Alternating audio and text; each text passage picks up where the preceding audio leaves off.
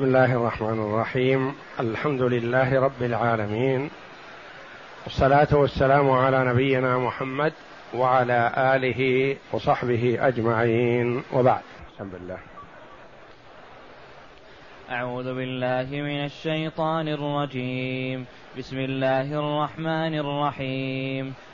إن الله يأمركم أن تؤدوا الأمانات إلى أهلها وإذا حكمتم بين الناس أن تحكموا بالعدل. إن الله نعم ما يعظكم به. إن الله كان سميعا بصيرا. هذه الآية الكريمة من سورة النساء جاءت بعد قوله جل وعلا والذين آمنوا وعملوا الصالحات سندخلهم جنات تجري من تحتها الأنهار خالدين فيها أبدا. لهم فيها أزواج مطهرة وندخلهم ظلا ظليلا. إن الله يأمركم أن تؤدوا الأمانات إلى أهلها. هذه الآية آية عظيمة. قال عنها المفسرون رحمهم الله هذه من أمهات آيات الأحكام المشتملة على كثير من الأحكام. وذلك أن الله جل وعلا يخاطب عباده بمؤكدات إن المؤكدة والأمر وإظهار الاسم الكريم إن الله إن الله يأمركم أن تؤدوا الأمانات إلى أهلها. جملة عظيمة مشتملة على أحكام كثيرة. قيل في سبب نزولها أن الله جل وعلا لما أكرم عبده ورسوله محمدا صلى الله عليه وسلم والمؤمنين بفتح مكة دخلها صلى الله عليه وسلم منصورا مؤيدا من الله تبارك وتعالى. ثم إنه لما هدأ الناس طلب عثمان بن أبي طلحه عثمان بن طلحة وأخذ منه مفتاح البيت الكعبة شرفها الله ودخلها صلى الله عليه وسلم وصلى في نواحيها وأشار إلى الأصنام الموجودة فيها فتساقطت وهو يتلو قول الله جل وعلا قل جاء الحق وزهق الباطل إن الباطل كان زهوقا.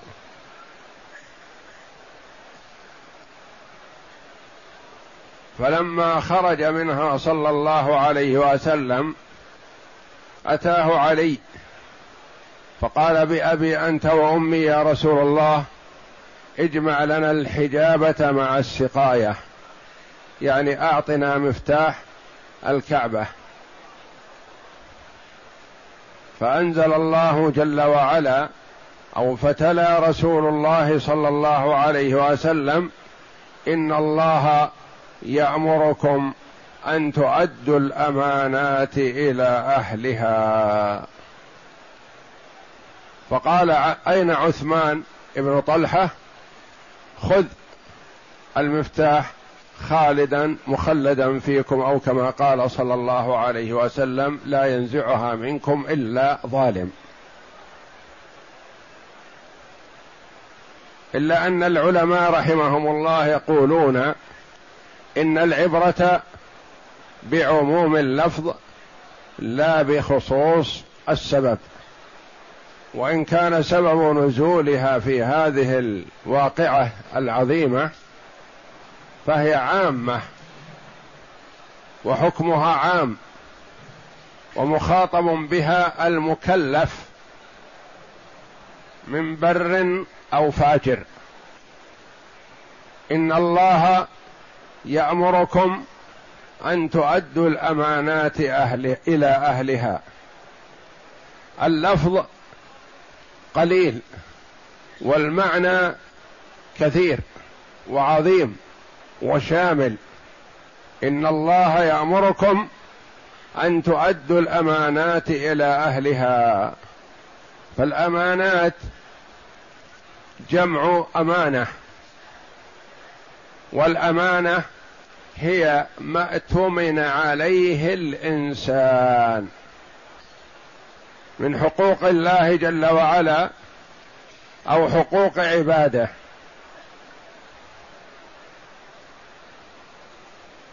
ائتمن الله جل وعلا عباده على التكاليف الشرعية على توحيده والإيمان به وأداء الصلاة والزكاة والصيام والحج وبر الوالدين وصلة الأرحام وغير ذلك من التكاليف الشرعية. كما ائتمنهم جل وعلا على حواسهم وجوارحهم.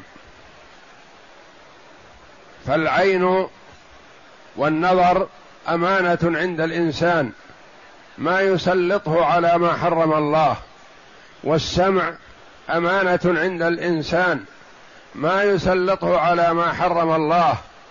واللسان أمانة عند الإنسان فلا يسلطه فيما حرم الله من الكذب والغيبة والنميمة وشهادة الزور وقول الزور والافتراء على الله أو على عباد الله.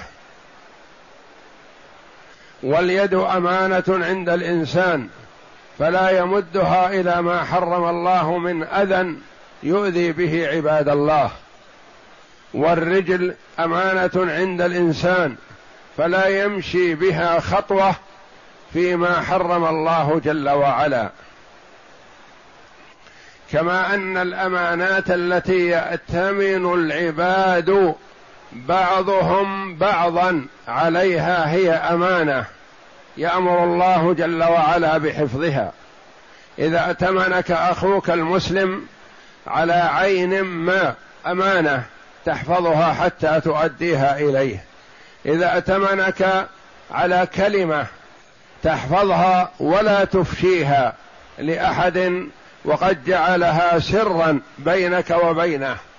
وهكذا جميع التكاليف الشرعية من حقوق الله جل وعلا وحقوق عباده ومنافع الحواس والجوارح كلها أمانة عند الإنسان.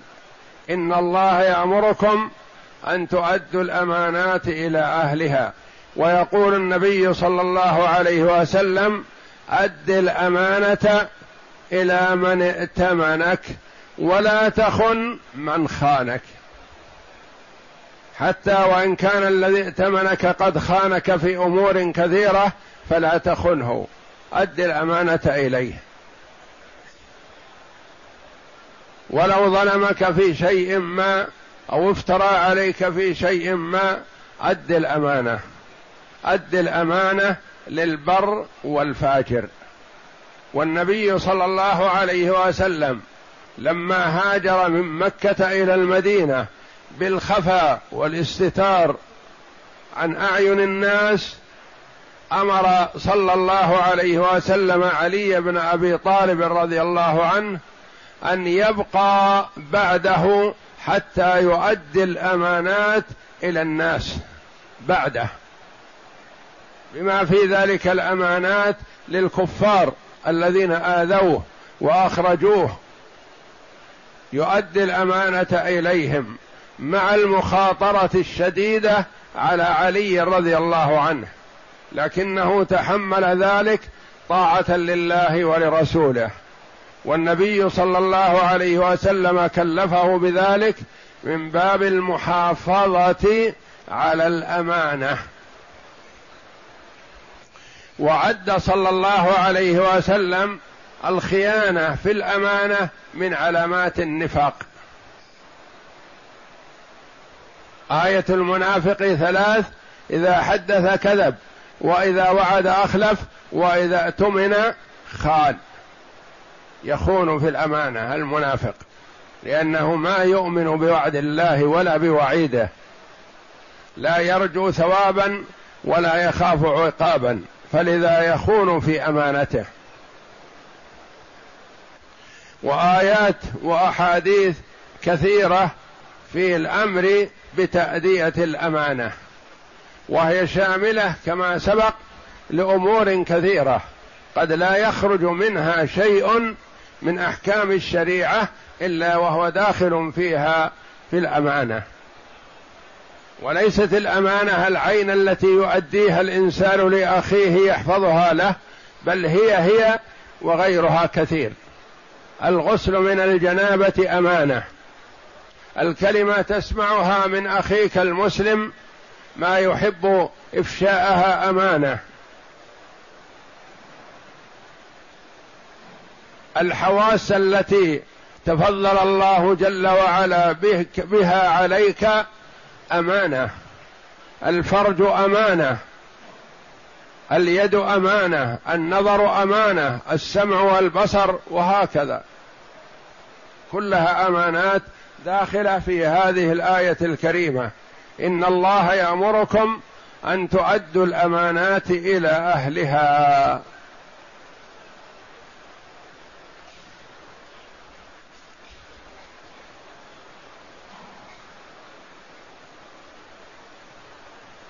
وإذا حكمتم بين الناس أن تحكموا بالعدل.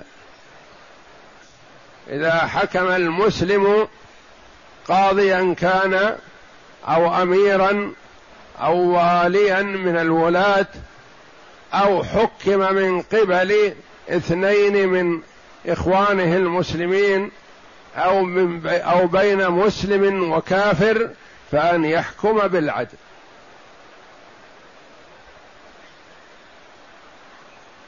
ولا يظلم حقيرا ولا يظلمه لحق كبير أو عظيم بل يؤدي الحكم بالحق كما أمر الله جل وعلا به وكما شرعه رسوله صلى الله عليه وسلم. وإذا حكمتم بين الناس أي ناس؟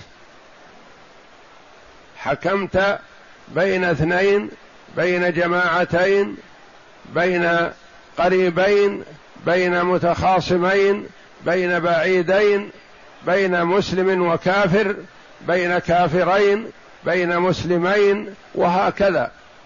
أن تحكم بالعدل تراقب الله جل وعلا في حكمك. وليس هذا خاصا بالقضاة أو الولاة بل كل من حكم في أمر من الأمور. وإذا حكمتم بين الناس أن تحكموا بالعدل. وبهذا قوام الناس والأمة والمجتمعات. لو أخذ كل فرد من أفراد الأمة بهذا حاكما كان أو غيره بهذه التوجيهات الكريمة لسعدت البشرية جمعا. وإذا حكمتم بين الناس أن تحكموا بالعدل. لا تجر من أجل قريب لقرابته ولا تظلم عدوا من أجل عداوته.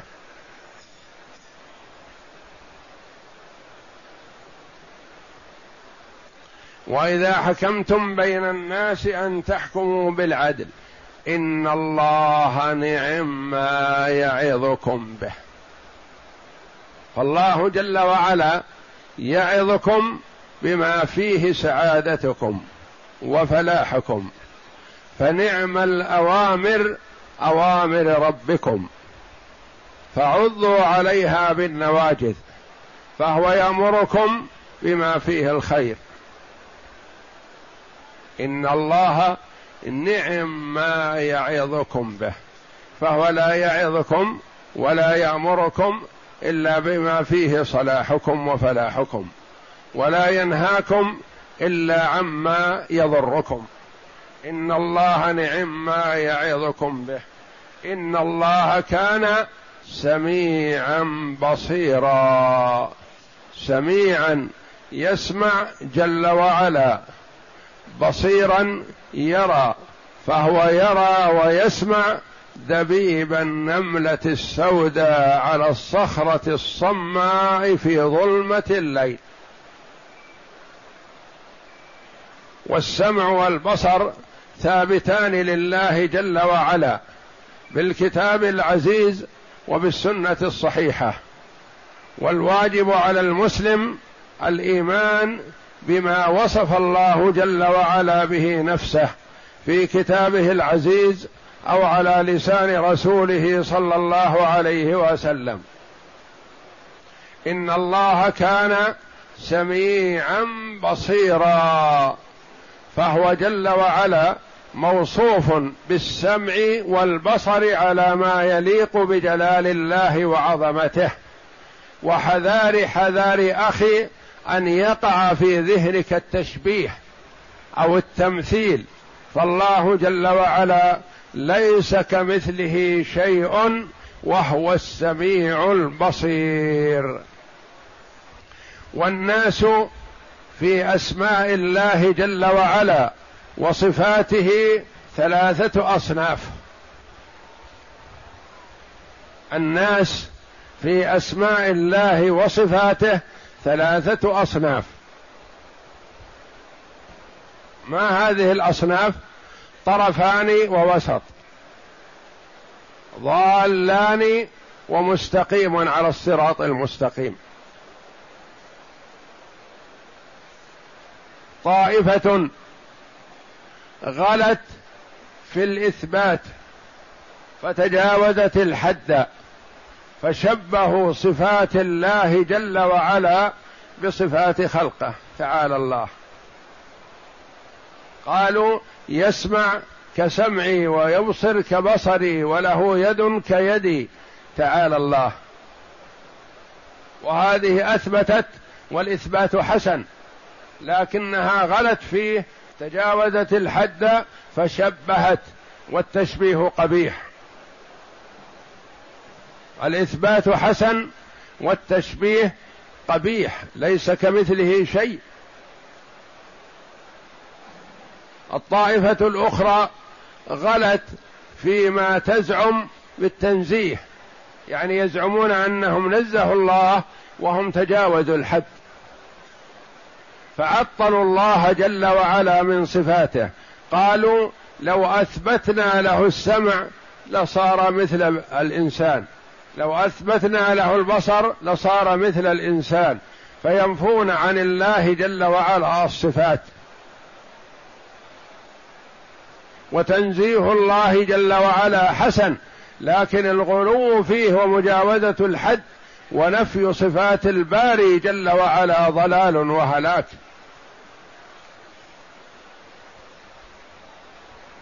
طائفة غلت في الإثبات فشبهت وطائفة غلت في التنزيه فعطلت.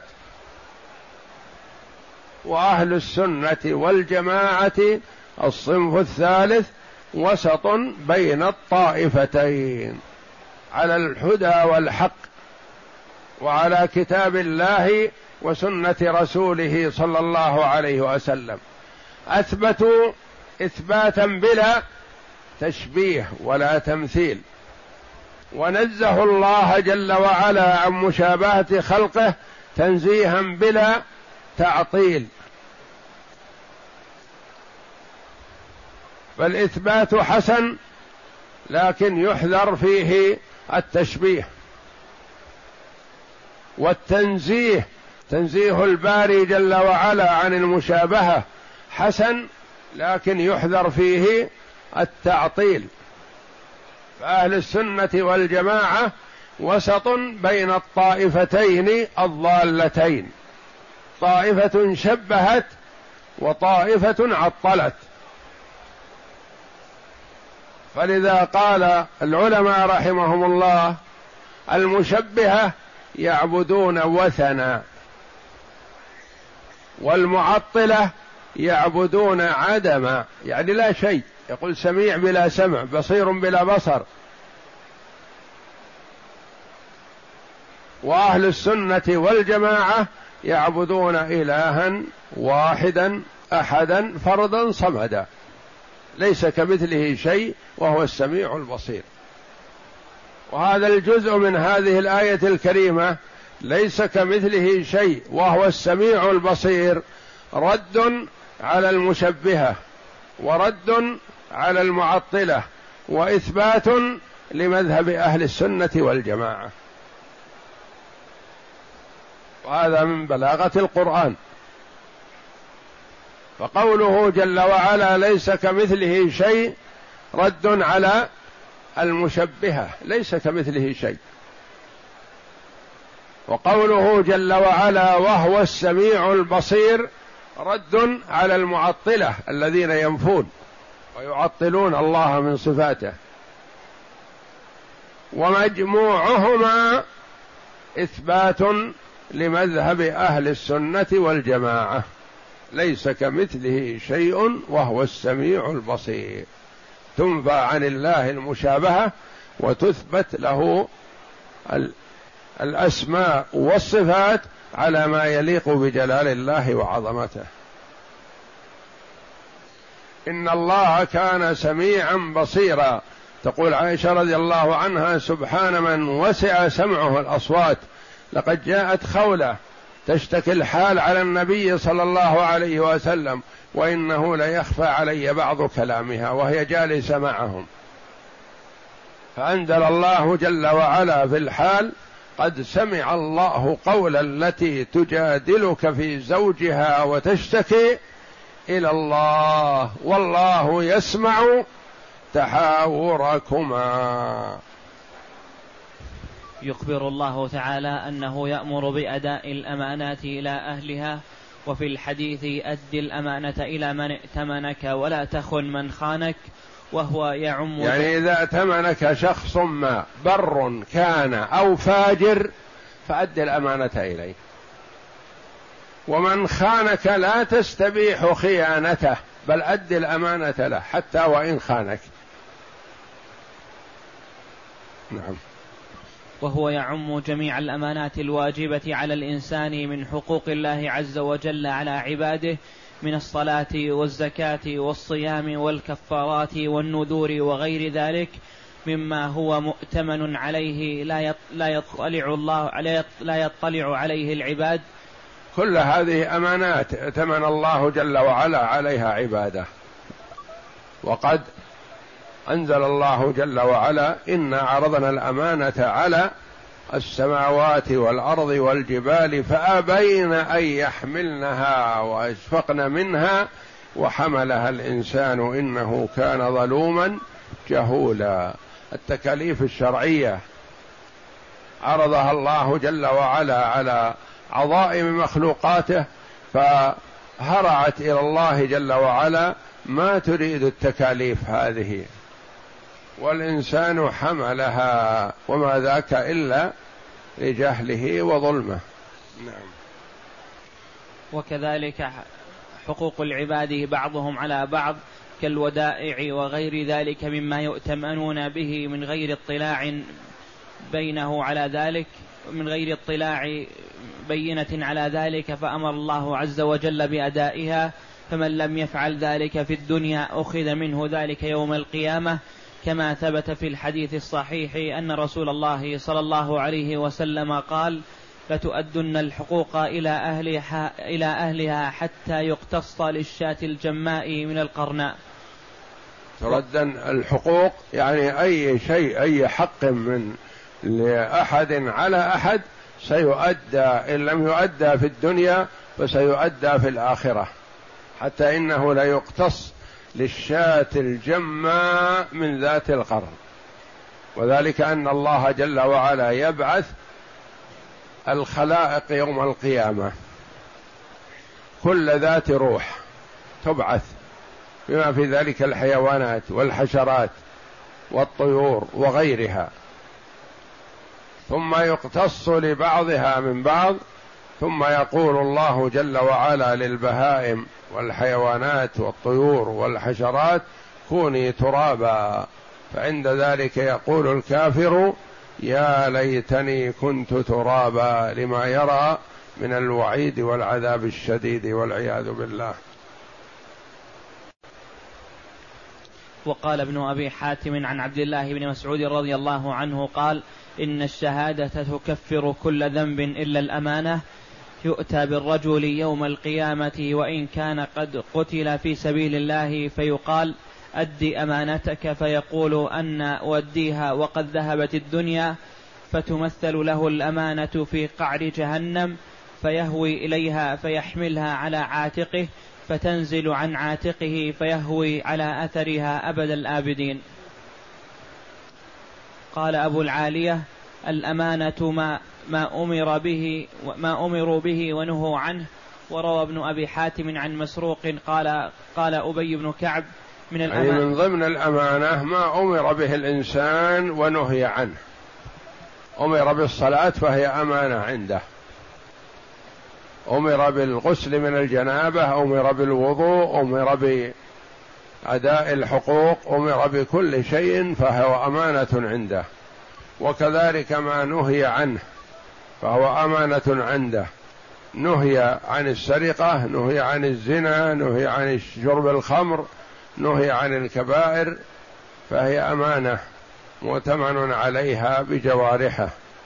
نعم. وروى ابن أبي حاتم عن مسروق, مسروق قال قال أبي بن كعب من الأمانات أن المرأة اؤتمنت على فرجها وقال الربيع بن أنس هي من الأمانات فيما بينك وبين الناس. وقد ذكر كثير من المفسرين أن هذه الآية نزلت في شأن عثمان بن طلحة حاجب الكعبة المعظمة وهو ابن عمه شيبة بن عثمان بن أبي طلحة الذي صارت الحجابة في نسله إلى اليوم.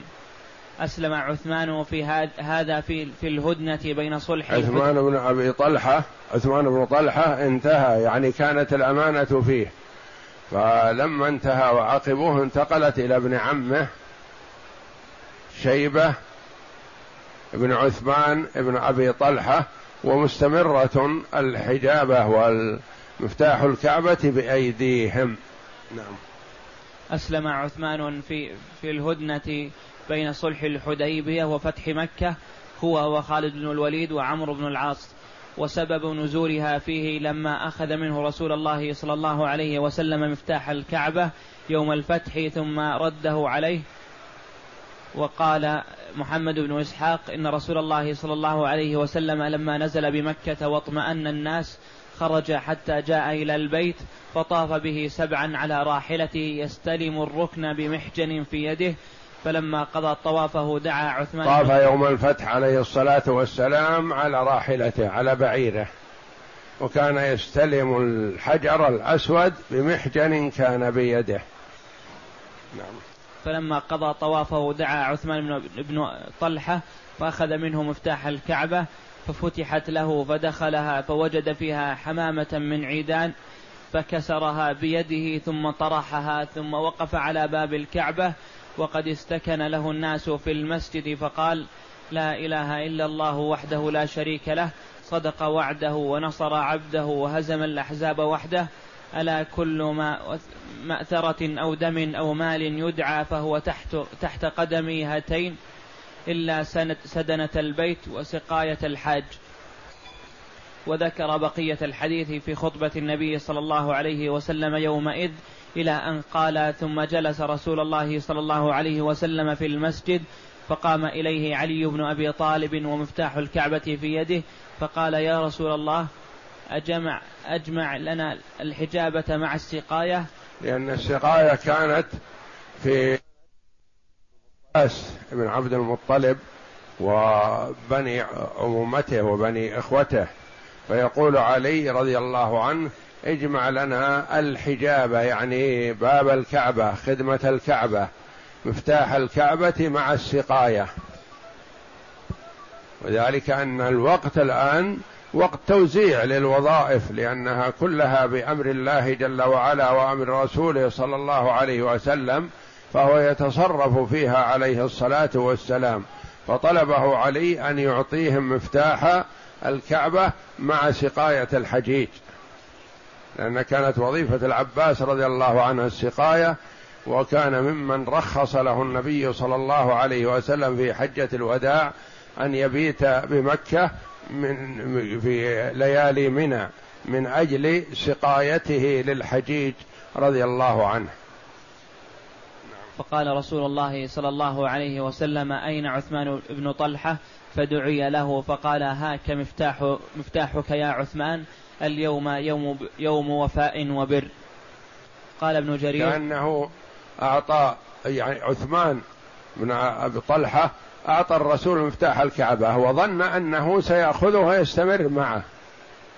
فما لازم النبي صلى الله عليه وسلم شبه كأنه آيس من مفتاح الكعبة وإلا هو مفخرة عظيمة. فقال عليه الصلاة والسلام أين هو؟ فدعي إليه فأعطاه الله فأعطاه الرسول صلى الله عليه وسلم المفتاح. نعم. قال ابن جرير نزلت في عثمان بن طلحة قبض منه رسول الله صلى الله عليه وسلم مفتاح الكعبة فدخل في البيت يوم الفتح فخرج وهو يتلو هذه الآية إن الله يأمركم أن تؤدوا الأمانات إلى أهلها الآية. فدعا عثمان فدعا عثمان إليه فدفع إليه المفتاح وقال عمر بن الخطاب رضي الله عنه لما خرج رسول الله صلى الله عليه من. خرج رسول الله صلى الله عليه وسلم من الكعبة وهو يتلو هذه الآية فداه فداه أبي وأمي ما سمعته يتلوها قبل قبل ذلك وهذا من المشهور يعني كأنها نزلت عليه وهو بالكعبة عليه الصلاة والسلام. وهذا من المشهور أن هذه الآية نزلت في ذلك وسواء كانت نزلت في ذلك أو لا فحكمها عام. ولهذا قال ابن عباس ومحمد بن الحنفية هي للبر والفاجر أي هي أمر لكل أحد. وقوله يعني كل مكلف مسلم أو كافر أو فاجر أو تقي مأمور بهذه الآية الكريمة. إن الله يأمركم أن تؤدوا الأمانات إلى أهلها. فإذا خان الكافر أمانته يكون زيادة في تعذيبه مع ما يستحقه من العذاب لكفره يعذب من أجل خيانته في أمانته. كما يعذب لتركه الصلاة ولتركه الصيام ولتركه التكاليف الشرعية وإن كانت غير صحيحة لو فعلها حال كفره. فهم يعذبون ويعاقبون بفروع الشريعة مع عقابهم لكفرهم. وقوله تعالى واذا حكمتم بين الناس ان تحكموا بالعدل أمر منه تعالى بالحكم بالعدل بين الناس. ولهذا قال زيد بن أسلم إن هذه الآية إنما نزلت في الأمراء يعني الحكام بين الناس. وفي الحديث إن الله مع الحاكم ما لم يجر فإذا جار وكله إلى نفسه. وفي الأثر عدل يوم كعبادة أربعين سنة وقوله تعالى إن الله نعم ما يعظكم به أي يأمركم, أي يأمركم به من أداء الأمانات والحكم بالعدل بين الناس وغير ذلك من أوامره وشرائعه الكاملة العظيمة الشاملة. وقوله تعالى إن الله كان سميعا بصيرا سميعا لأقوالكم بصيرا بأفعالكم. والله أعلم وصلى الله وسلم وبارك على عبده ورسول نبينا محمد. وعلى آله وصحبه أجمعين.